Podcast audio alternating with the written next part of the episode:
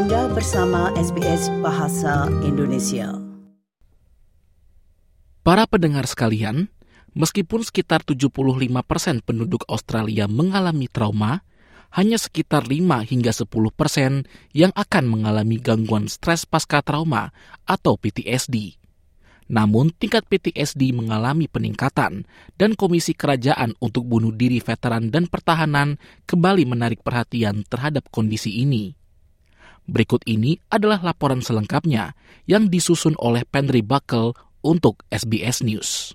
Para penderita PTSD mengalami kesulitan tidur seperti insomnia, kilas balik, kecemasan, mimpi buruk depresi, dan apnea tidur – saat ini, semakin banyak penelitian yang menunjukkan bahwa pengobatan masalah ini adalah cara efektif untuk mengobati gangguan tersebut secara komprehensif.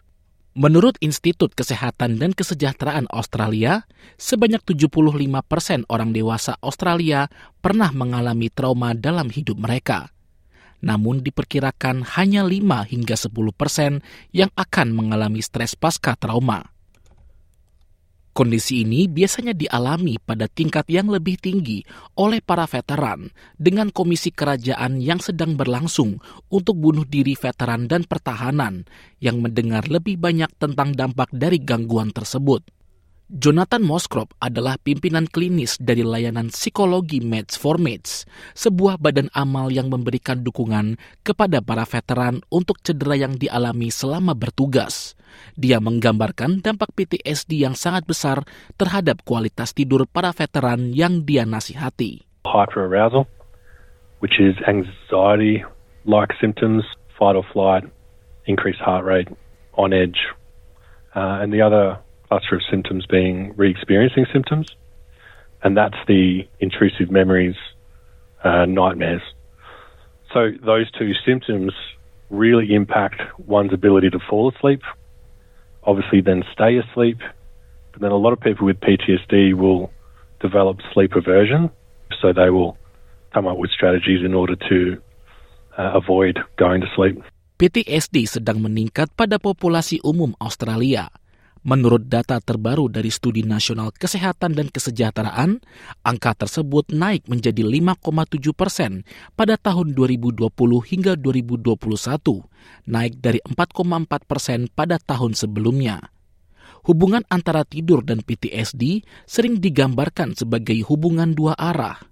Sean Drummond yang merupakan profesor ilmu saraf klinis di Fakultas Ilmu Psikologi di Monash University mengatakan bahwa kurang tidur bukan hanya disebabkan oleh PTSD. Sleep is also causally uh, related to the development of PTSD. So we know, for example, if somebody has uh, difficulty sleeping, and particularly if they have a sleep disorder like insomnia or obstructive sleep apnea, prior to being exposed to a trauma, they're two and a half to three times more likely to develop PTSD than someone who doesn't have a sleep problem before they're exposed to a trauma. And we know that that people who develop sleep difficulties in the immediate aftermath of a trauma are more likely to go on and develop a full blown PTSD and not recover naturally. So the relationship really goes both ways. Profesor Drummond memberikan presentasi tentang hubungan antara tidur dan PTSD pada konferensi Sleep Down Under di Adelaide pada bulan November. Penelitiannya merupakan bagian dari semakin banyak penelitian yang menunjukkan bahwa mengatasi masalah tidur mungkin merupakan cara yang efektif untuk mengatasi gangguan tersebut. Dia ikut menulis penelitian pada tahun 2019 di mana para veteran Amerika Serikat yang menderita kondisi tersebut menerima terapi bicara tradisional berbasis trauma atau terapi bicara bersamaan dengan perawatan tidur. Penelitian tersebut menemukan bahwa mereka yang juga menerima terapi tidur mengalami pengurangan gejala yang lebih baik di siang dan malam hari. Effectively what we found uh, is that the The daytime intervention worked pretty well, just like we would expect it to. It did not treat the sleep symptoms, again, just like prior literature showed. And then when we gave people sleep, um, the sleep symptoms, both the insomnia and the nightmares, got significantly better in the group who received the sleep treatments. And interestingly, the daytime symptoms of PTSD also got better after the sleep treatments relative to after the control treatment. Profesor Amy Jordan yang merupakan Direktur Laboratorium Tidur John Trinder di University of Melbourne adalah salah satu penulis penelitian yang sedang berlangsung tentang hubungan antara PTSD dan apnea tidur obstruktif. Profesor Jordan mengatakan masih belum jelas mengapa kondisi yang mempengaruhi pernafasan saat tidur sering dialami pada pasien PTSD. PTSD is a is a mental health condition, and sleep apnea is occurring because the throat is closing during the night. And so, how um, you know being exposed to a trauma and having this condition as a result of that is able to translate into your throat closing over more overnight is is really something that we don't understand at all well. Profesor Jordan mengatakan bahwa penelitian di Amerika menemukan bahwa sebanyak 3 per 4 penderita PTSD mengalami sleep apnea atau apnea tidur. Namun penelitian ini biasanya dilakukan pada kelompok veteran. Penelitian tersebut menemukan bahwa sering kali laki-laki dan paruh baya yang lebih mungkin menderita sleep apnea.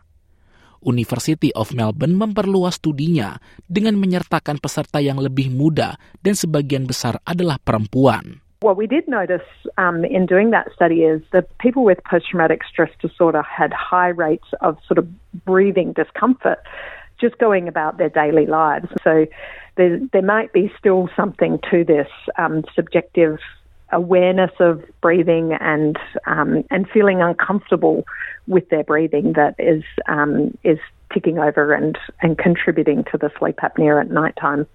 Ada juga bukti kuat yang menunjukkan bahwa pengobatan sleep apnea juga dapat memperbaiki gejala PTSD di siang hari. Profesor Andrea Phelps adalah wakil direktur Phoenix Australia, sebuah badan amal yang berfokus pada pengobatan PTSD.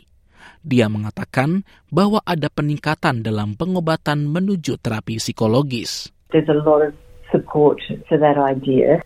We know that standard evidence based treatments for PTSD aren't terribly effective for sleep. And so we get a lot of residual insomnia after PTSD treatment, which is why there has been a move towards saying, well, let's focus specifically on sleep treatments. Profesor Jordan mengatakan pemicu stres baru-baru ini seperti pandemi COVID-19 dan keadaan darurat iklim seperti kebakaran hutan pada tahun 2019 mungkin berkontribusi pada peningkatan angka PTSD.